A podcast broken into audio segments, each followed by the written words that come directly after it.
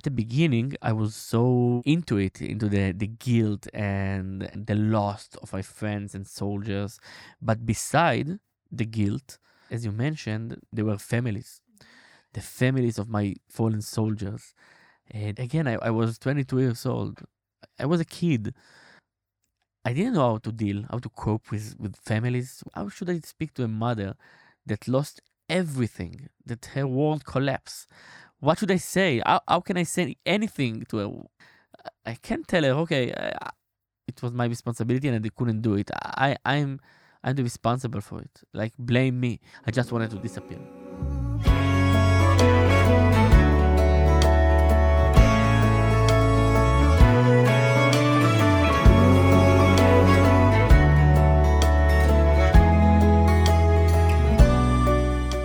Welcome to a special Memorial Day episode of Postcast by Restart. Today, we honor and remember the brave men and women who have made the ultimate sacrifice in service of their country. I'm your host, Gali Bloch Liran, mentor at Restart and the founder and CEO of the Human Founder. In this episode, we're joined by Captain in Reserves Ohad Roisblatt, who will share his stories of his fallen comrades and soldiers, highlighting their bravery and sacrifice. We'll also discuss the impact of their service and the ongoing support needed for the loved ones left behind. Restart Global is an organization committed to bringing wounded IDF veterans back to the path of life. Today, we stand in solidarity with the families of our fallen brothers and sisters.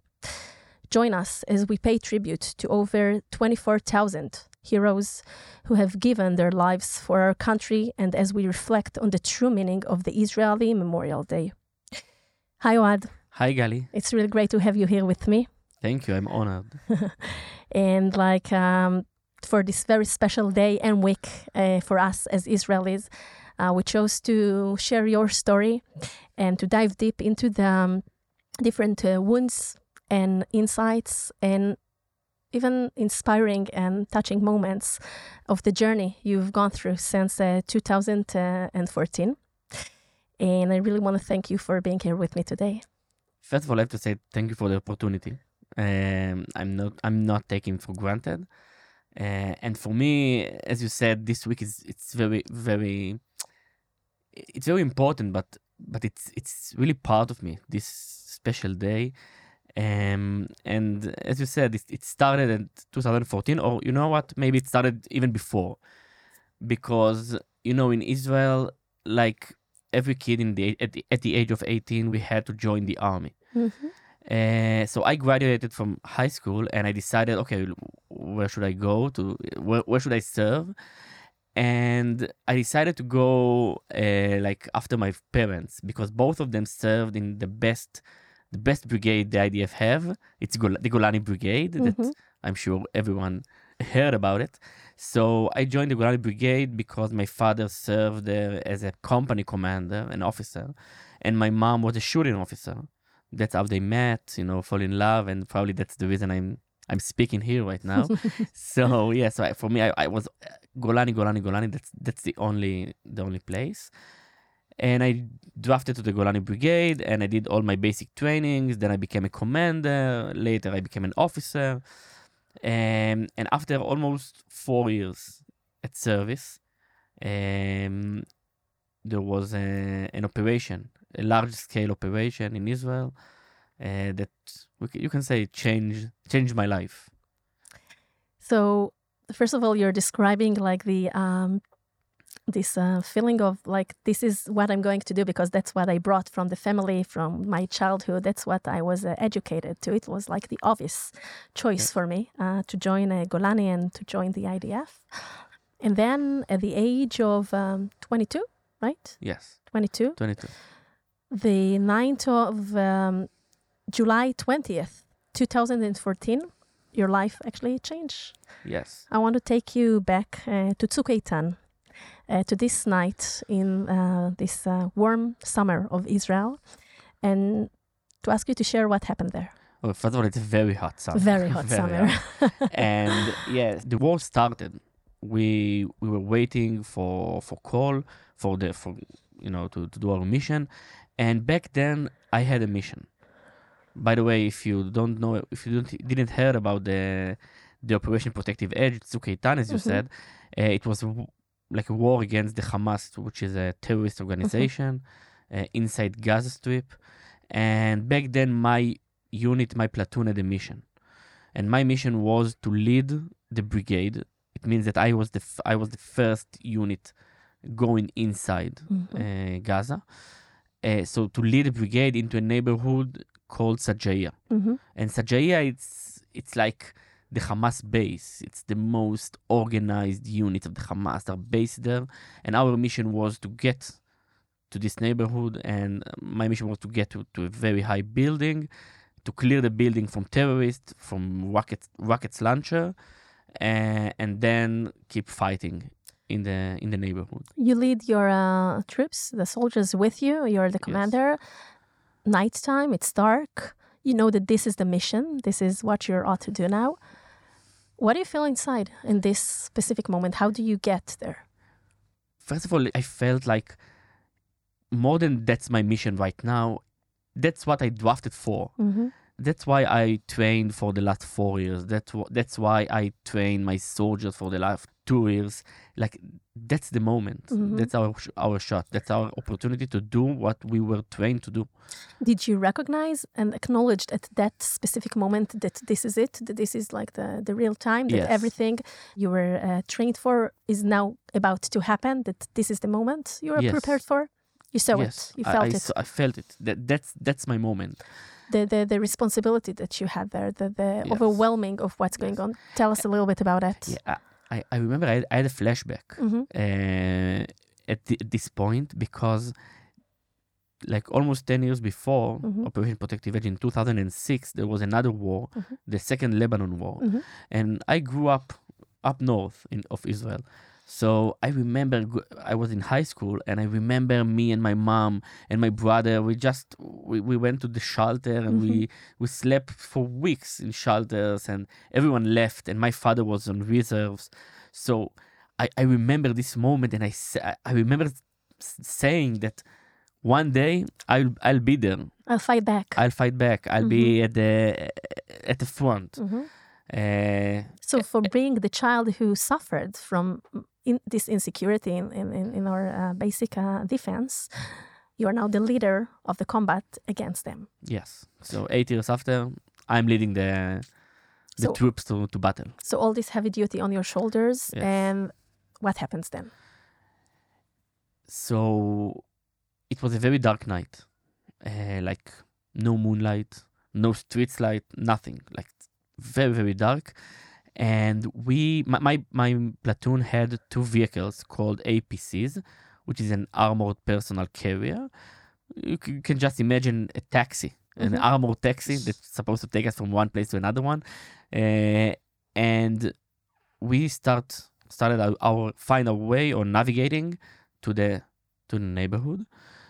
Um, the fir- when we get to the fence because there is a fence that separates Gaza and Israel. Mhm. When we reach the fence, um, the first thing I remember is, you know, those little laser dots, Mhm. green laser Mhm, dots that you mhm. can buy in eBay. Yeah. So suddenly, imagine just uh, like a dark screen, and in, in seconds, dozens of, of green laser points points at me, points at my vehicle, and on the tanks around us, like many many laser points. In the darkest point, you feel that you've been seen yeah, by the the- others. yeah, it's it means that they, they know we're coming, they, Mhm. they see us, Mhm. and that's what the first time I realized. Okay, there are terrorists out there. Like it's not it's not training anymore.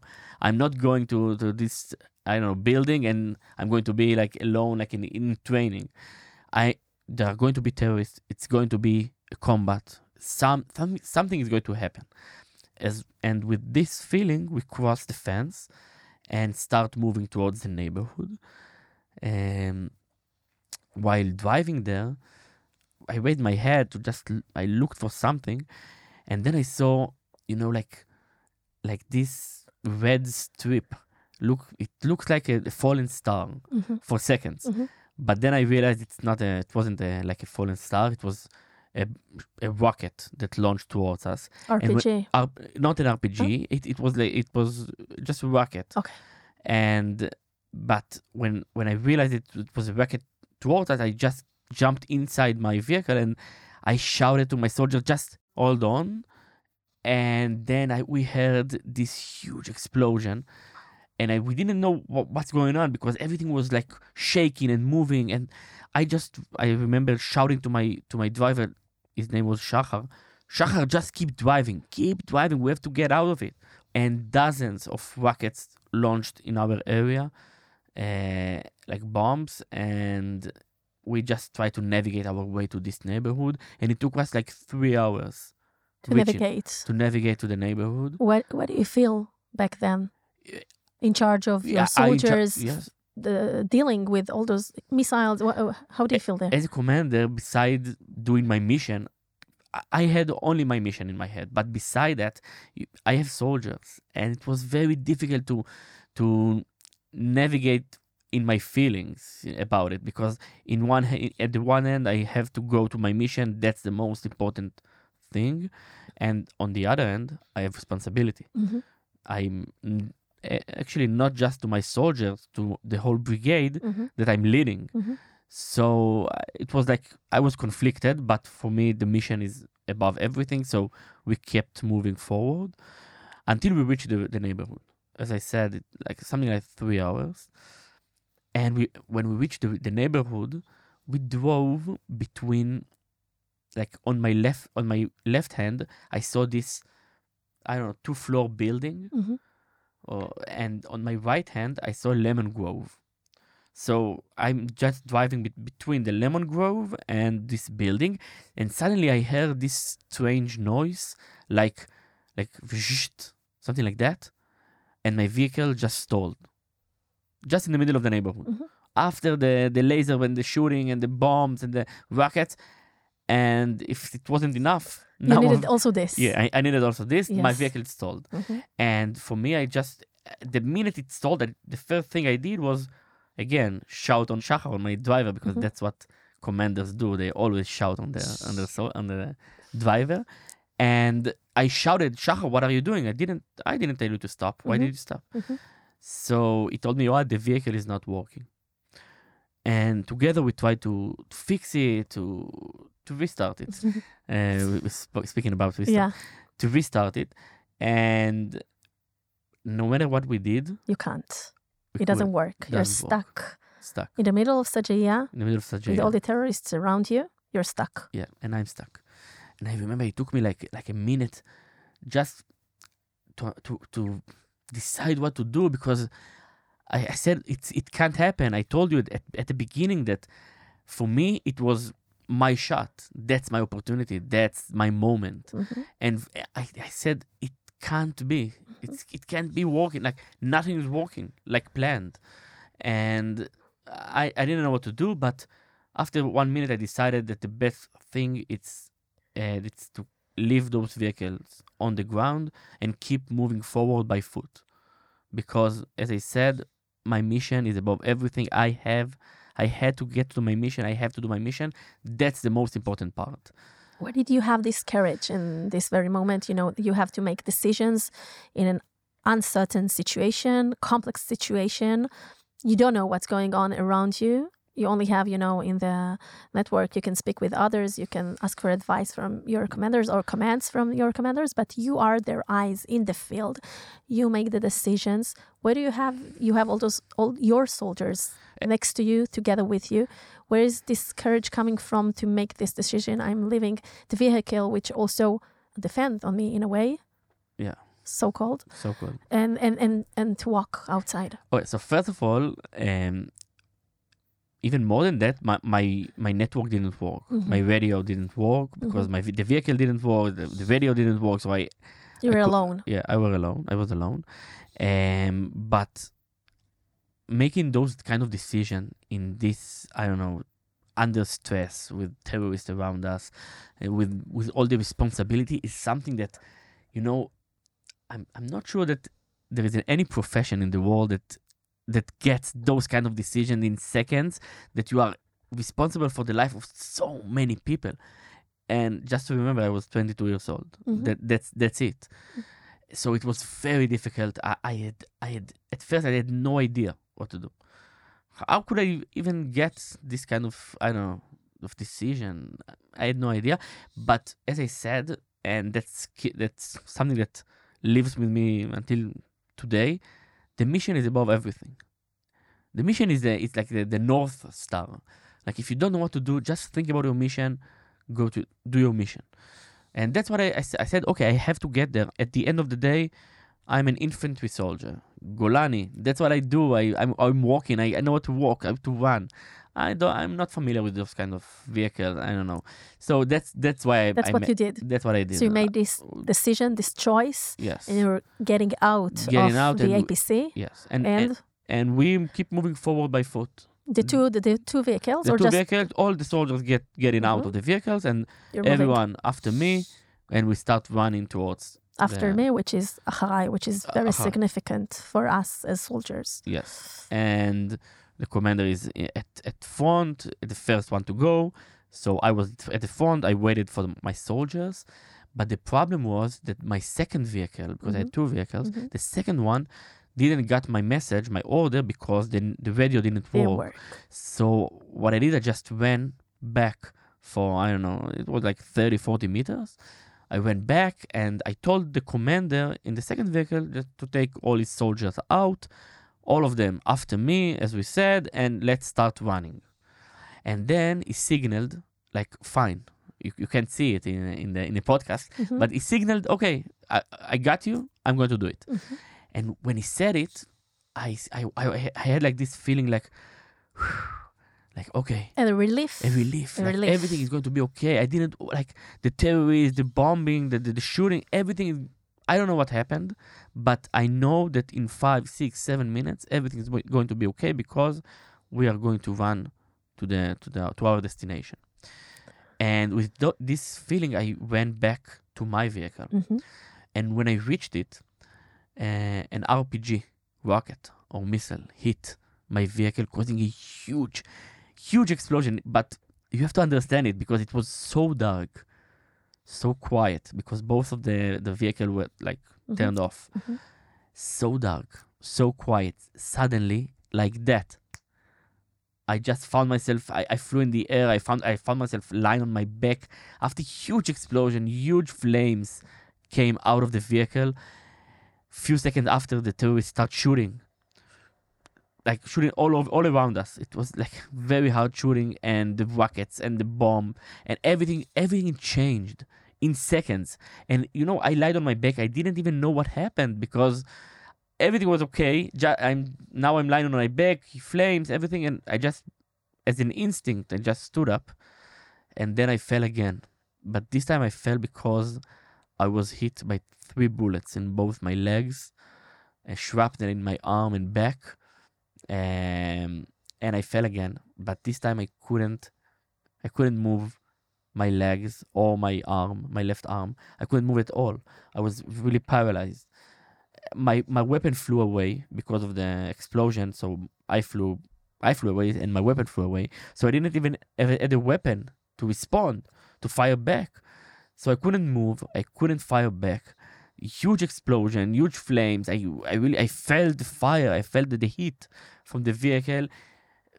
Very heavy fire all around us, and that was the situation. But you know, as a commander, at that moment, I had the, last thing I had to do was to shout orders to my soldiers, and I started shouting, "Fire back!" or "Found a cover, get behind the vehicle." I even shouted, "Ohad is injured," and I shouted, "Ohad is injured! Find fire back!" And I shouted and shouted, and no one answered me. So at like at this specific moment, this point, I lied on my back. I couldn't move my legs. I didn't have a weapon. Huge flames. Yeah, after huge explosion, very heavy fire all around us. But the most difficult part for me, that actually accompanied me, uh, I think for the for life, like for the last nine years, is that I was by myself. I was to- totally alone at this moment. And What do you realize at that very moment? everyone is always asking me like what, what happened? Like did you see an angel came or did you speak with god or you see, did you see your life passing through? So actually i didn't. I, I i didn't see anything but i i got i got into this strange zone that i just started to speak to myself. Mhm. and i remember two things that i said. The first one was that that's it. Like those are my last seconds. I, I'm not I'm not going back home, and I I really remember. I remember myself at this point saying this sentence. I'm not going back home. That's it, and I was so sure. And you know, as as a combat soldier, you train when you trained, you, you know that there is a possibility Mhm. that one day you will go to war and maybe you won't get back home. But for me, it wasn't like a chance or maybe. It it's done. It's a it's it's a matter of seconds, few seconds, one minute, and it's done. It's over.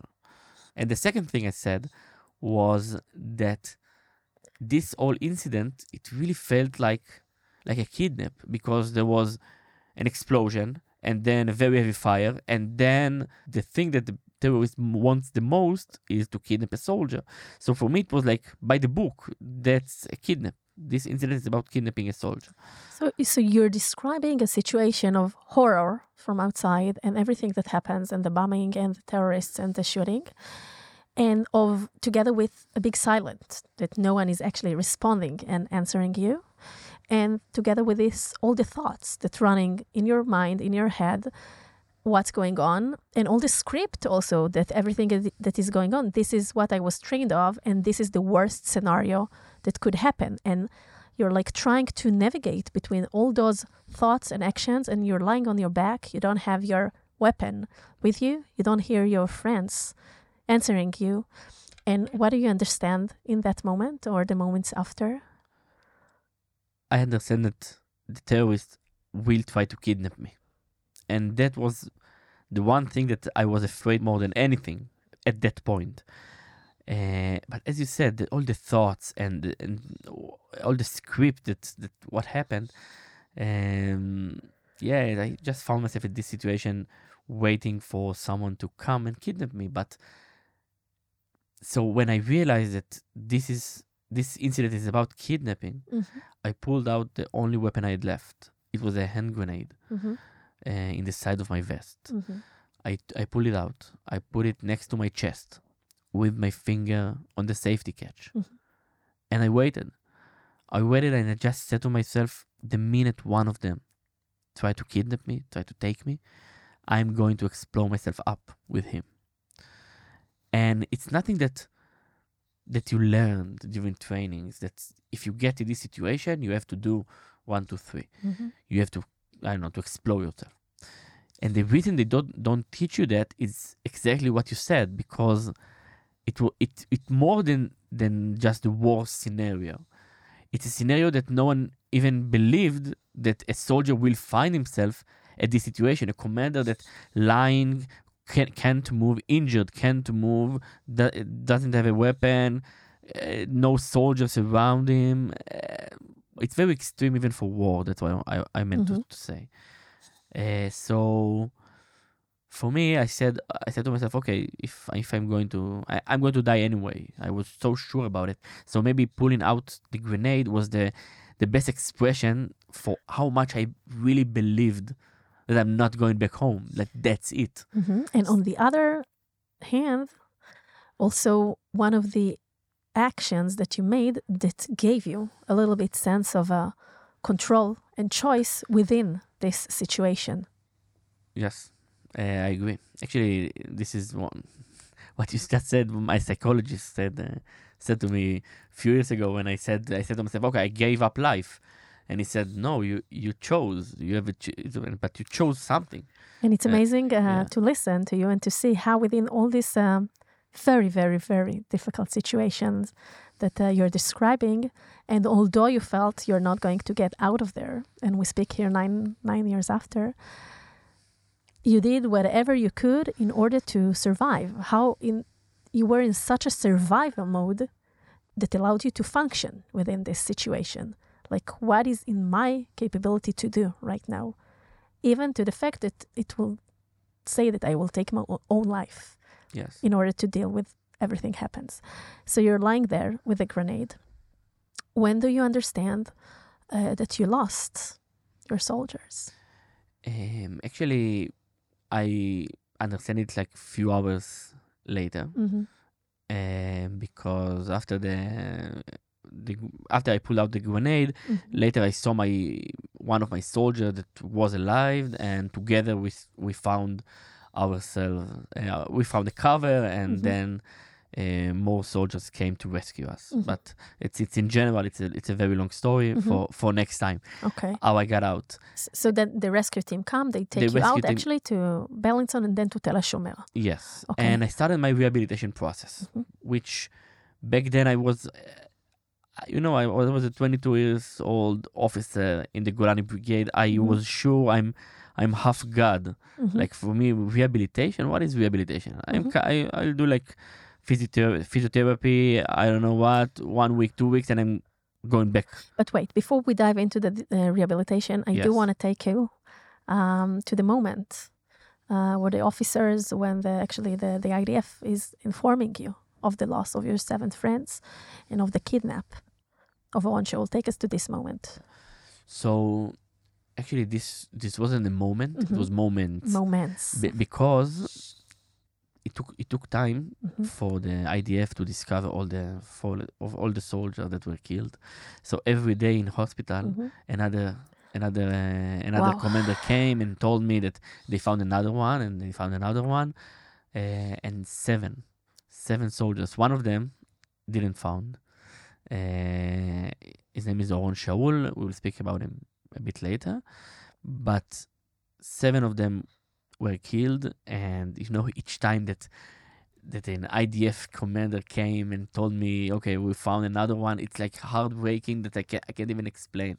And it's again and again and again. And it and doesn't get- stop. yeah it's it's not stopping. And it's it's every few hours another one and another one.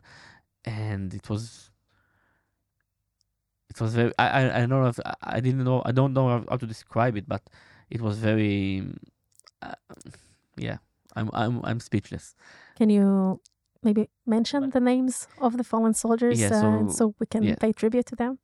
Yeah, so the first one was Oren Noach. He was a, a class commander. Shachar Taasa. He was the driver in this incident. Ben Vanunu. Sean Mondshine. Max Steinberg. Daniel Pomerantz. And the last one is uh, Oron Shaul, which was, as we said, kidnapped and still uh, until today, until th- these days, nine years after. May them rest in peace. Yes. and you're sitting you're lying in, in Beilinson in, in, in the hospital and every day or every few days the commanders come and, and share with you um, the loss of another soldier of yours and the kidnap of Shaul. What happens there? You, you're 22 years old, soldier, commander, injured, wounded, sitting there within the trauma that you're experiencing as, as a human being. And then all of a sudden you, you you are getting informed with this horror and everything that happened. How how do you consume it? How do you accept it? How do you cope with this? What what happens in, in the beginning? Like how do you digest this kind of information that is like undigestible? You know, one one of the first thing that you learned during officer school is that you can you can train your soldiers as hard as you want, but at the end of the day, it's your job to bring them back home Mhm. and safe. I got back home, maybe not in the best. Uh, I got back home injured, but seven of them didn't come back, and for me it was more than uh, just heartbreaking because I trained them for uh, one and a half years. They were my soldiers since the day they joined the army.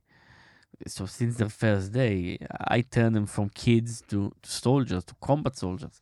So besides they were my soldiers, they were my friends. I know them better than anyone. Daniel Pomerantz and Oren were my two best friends. They were commanders. Uh, so I know uh, it's it's more than heartbreaking. It's it's I felt the guilt. I, w- I, I was guilt.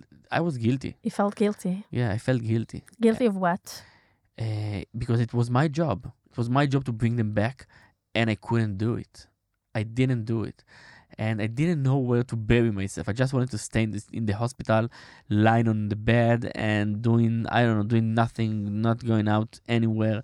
Just, I wanted to bury them, Like, like feeling of wanting to to disappear. disappear. Like not not to be not to see the situation, not to recognize and acknowledge this situation, and like trying to to to avoid this horror that happens around me because I feel that I didn't do my job.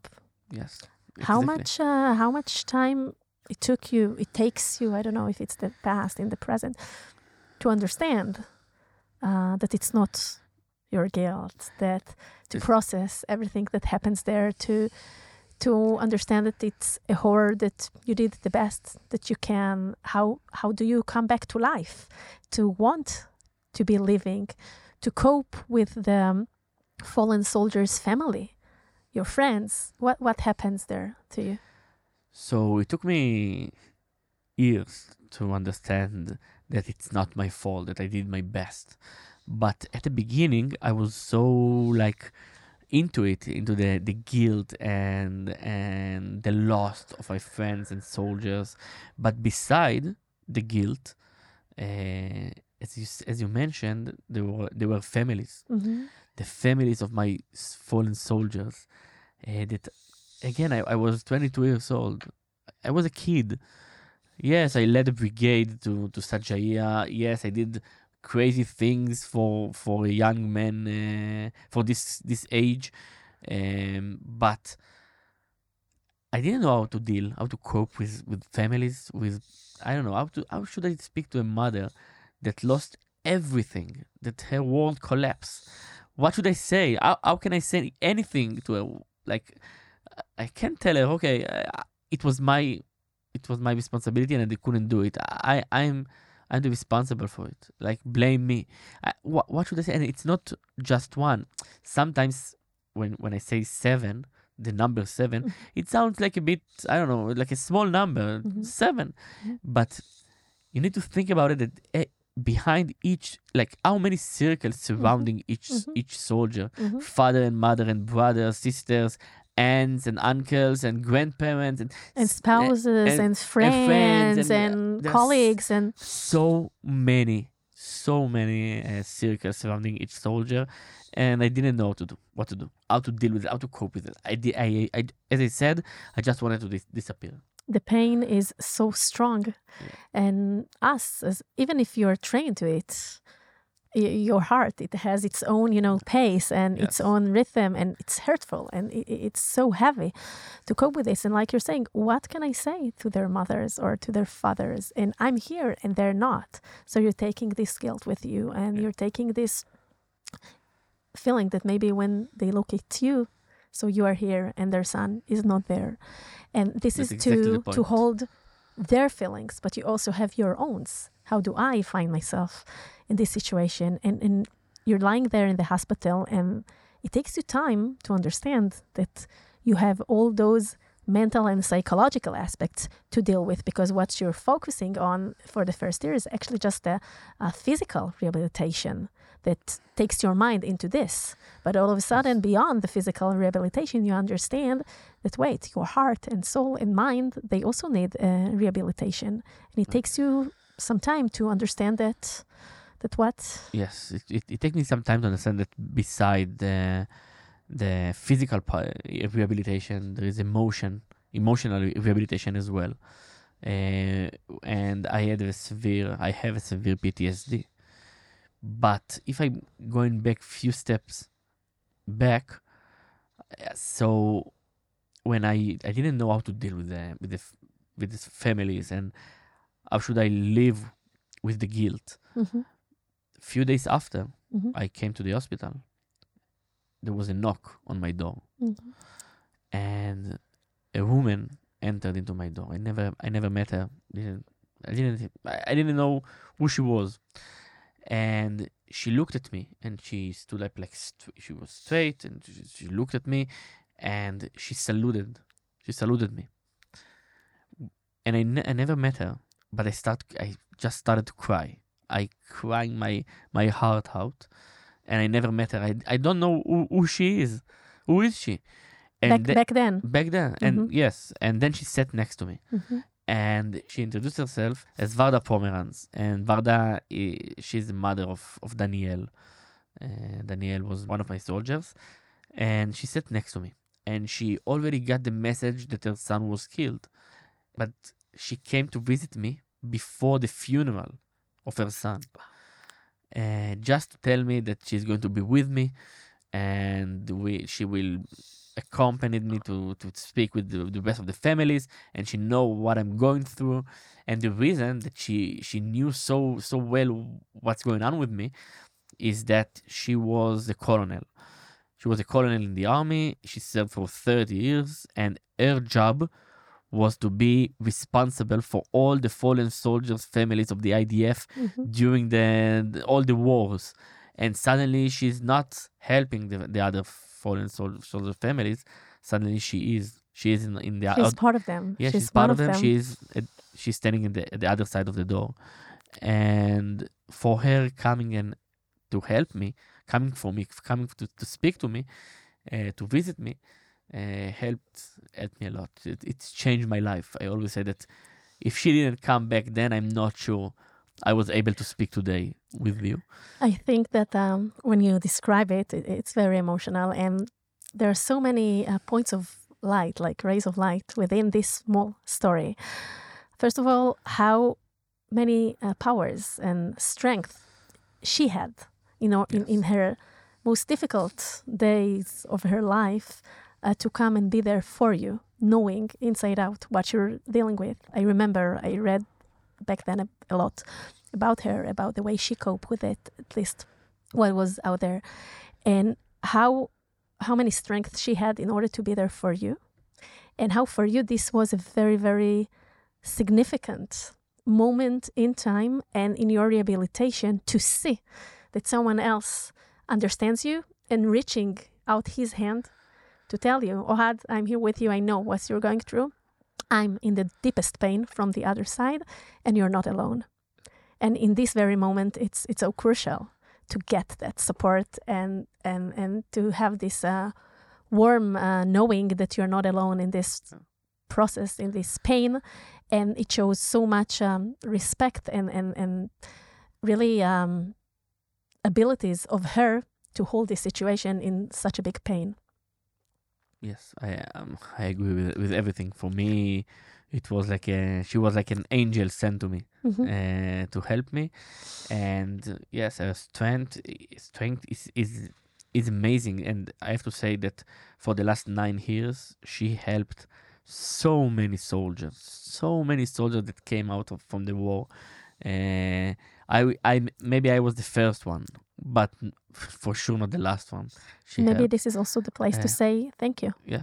to Varda and to your amazing uh, work before feeling it on yourself and also after Yes. that uh, you give so much uh, to the Yes. wounded soldiers in order to cope with everything that happens. So thank you for that. Yeah. But at the end of the day, you, after after what? After she came, and at the end of the day, you need to deal with those thoughts and feelings by yourself. Yes, I had psycho- psychology. Yes, I had psychiatrist. Yeah, I did some therapies, and I went to f- physiotherapy, and I don't know. I did many many kind of treatments, and I don't know. But at the end of the day, when you go to sleep, you are alone. Mhm. You are alone with your thoughts. You are alone with your feelings. You are alone with your PTSD. You are alone with your injury, physical, emotional, whatever. You are alone. And again, as I had to, had to take a decision alone in Sajaya, Mhm. again I need to take some decisions To make a choice. to make it to make choice. Decision it's after. You make a choice. Back make it- then you made a choice Yes. to fulfill the mission. And that back then now you made a choice to choose life. Yes, but it, it wasn't like it sounds like a cliche. Like you, you choose life. Mm. Like it's it's something simple that you, you no, it's okay, not you got- simple at all. Yeah, you got up in the morning and you decide, okay, I'm choosing life.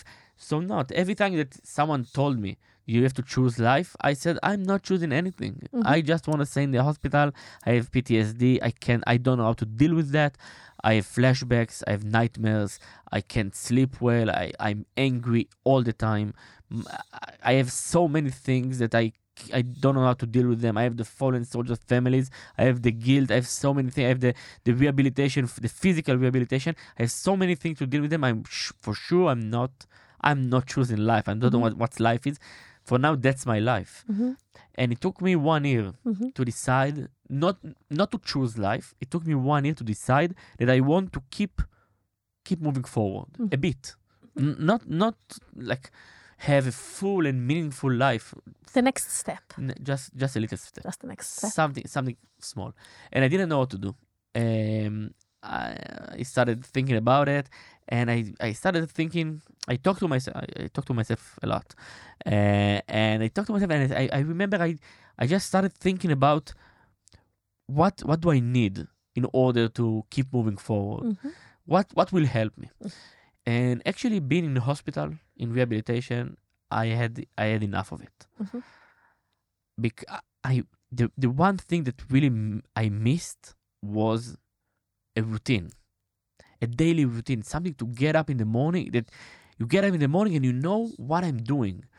For example, I don't know. In, in, in rehabilitation, I, I I could get up in the morning and decided, okay, today I want to do this therapy, but I I, I, I don't have powers or energy to What are the healthy and meaningful routine yes to create yes it you, from? need, you need to do something I have, mm-hmm. what you have to do something i didn't know what but i i, I knew i had to get a, a new routine and the second thing that helped me like i don't know growing from the crisis that i that i've been in um was to find something meaningful. Mhm. like okay I, I i want to, to have a routine and doing something that is meaningful that add an extra value. Not just for myself an extra value doing something for someone. Because the one thing i really loved in my army service is i, I really i felt so meaningful for my soldiers for others so, so i felt like like i matter so i decided that the best rehabilitation for me in order to get the routine and the extra value Mhm. the meaningful thing to do was to join back to the one uh, one place i knew was the army and i decided to join back the army but i couldn't be a combat soldier or combat combat officer so i decided to change my profession into an educator in the military academy uh, at haifa um, which is a very very unique academy which trained 16 years old boys and girls to be the next generation of quality officers of the IDF. So during the day, they, they study in a very prestige high school, the Reali school in, in Haifa, and then they just come to the to the academy, and we speak about leadership and responsibility, and military values and mission and and everything. And for me, we spoke about getting restart to the to the engine. Now it was the restart of my of my life. was ignited yes. again, and the same feeling that you've described in the beginning of our conversation about the values that um, uh, you took from your parents who served in Golani, and, and this passion that you, when you went, when you joined the army in the first place, and then later the mission that drove you uh, in the battle, and then later suffering so much from this place and from the loss that you um, uh, felt and still feeling this also the place that uh, ignited you again and gave you gave you the strength to cope again with life and to be meaningful again and to go ed- and educate uh, teenagers about leadership and about their path to the future while dealing yourself coping yourself with everything going on. It, it didn't go anywhere. You just chose to take it to a place where you feel you can contribute. Yes. And then all of a sudden, Niv is calling you, right? Niv Efron, the former CEO of Restart. Yes. Few years later, I already, uh, I'm I was I done with the with the army. I got released. I traveled all over the world, and then I come I came back home, uh, and then one day Niv called me. Niv uh, was a very good friend of mine from the rehabilitation. Uh, we didn't speak speak much because both both of us were commanders, officers. We lost soldiers, and we always felt both of us we felt a bit loners or a bit like strangers in this um, IDF, I don't know, veterans, injured soldiers Mhm. uh, community. We felt a bit, a little bit outsiders.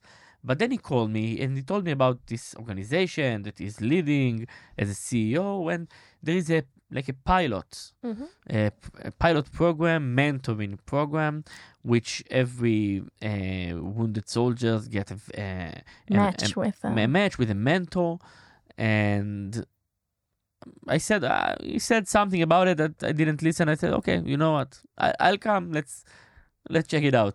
why not? Why not? Yeah. So I came, and actually, I I really I, I fell in love in this, with this organization because it's a small organization, very. It's it's like a family. Mhm. It's really really like a family. Like so many. Uh, like wounded soldiers and mentors that really want to help uh, those uh, soldiers uh, to get back uh, to life, to, to keep moving forward. I, I, I love this sentence to keep keep moving forward, to find their own path.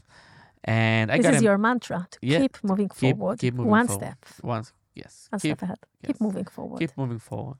And yeah, I got I got a, eh, an amazing mentor, and we spoke about what happened, what like what happened to me, how, how, what did I did so far, and what are my next goals. And when I told you that there are two things that helped me like growing from my crisis was uh, to to get back to a routine, and the second thing was to get an extra value Mhm, The so- meaning. the meaning, something meaningful. With restart, I realized that there is a third part for the for this uh, equation. Mhm, The third part is to set goals. mhm. Just always w- ask yourself what's your next step, what you are going to. Set up goals. Tho- those three things really helped me uh, growing from the from my my crisis, and I restart told me that, and since then I'm very You're setting goals and Yes. achieving them. yes. Setting goals achieve them. Fi- like build uh, i don't know uh, find a way to achieve your goals. And And since then, you're lecturing and I- you just finished your law school and internship at Shin Horvitz and you're traveling and you really try to bring meaning uh, into your life and to Yes. influence on others. yes that's what that's what i'm trying to do. I'm trying to uh, i don't know influence uh, kids uh, going to combat the units. I'm trying to uh, influence officers and commanders to be a better commanders and better officers. I'm trying to i don't know wherever whenever someone wants to, to hear me. So i try to uh, to influence or to i don't know to touch people um, And maybe yeah. one more word about Restart, which I'm also privileged to be part of this uh, family, like you said, which is really ama- amazing and so fulfilling both to the mentors and to the mentees. The mentees are getting tools and advice and, and helping them setting their goals, but also to the mentors that getting so much back uh, to help those that actually help them who serve their country. And together, it's really beautiful family with so many programs to help the wounded uh, and the injured soldiers and to help them get back to track and in, in, in the career path or the personal path. And it's really beautiful how everyone like is um, giving and getting. Um, and it's really touching. And there are so many stories about the soldiers who are coping with PTSD and other injuries. And I also find it so meaningful that you sit here today and in your lectures and you share about it so openly because um, acknowledging it and being able to talk about it, it's really part of the way to heal. Uh, and to also uh, uh, raise the awareness of it so that others, that it's more difficult for them, the soldiers that are now 70 years old from Yom Kippur, from Sheshet Hayamim, from Milchemet HaTashad, the, the other wars that we had back here in Israel, which is more difficult for them to speak about those things. And only in the recent years, they start to speak about the PTSD that they suffered from. So, to the younger generation like you, there's also a lot of meaning by saying those words and recognizing it and acknowledging it because it helps others to understand that this is part of the thing and how to cope with it, and also to society to be more accepting and to help others to be other of Varda Pomerances who give their hand and uh, help help our soldiers who helped us to really get back on track. And it's really an uh, amazing uh, activity and doing it it's so meaningful and so important I agree. I, I agree, and I have to say, I, I really believe that speaking about what happened, sharing your experience from the war, from your PTSD, it's maybe it's help it's help other maybe find another Varda Pomerantz as you said, but even more than that, it I, I really believe it's the first step in order to learn how to live Mhm, with the PTSD mhm. because the most difficult part of PTSD is to learn how to live with it and to live with it with peace, like Mhm, peacefully li- live with that. mhm. Because PTSD is it's not it's not over. It's it's not it's not like, disappearing it's not disappearing. It's not like you taking a pill or smoking weed or I don't know what, and tomorrow it will pass. It's it's part of you now.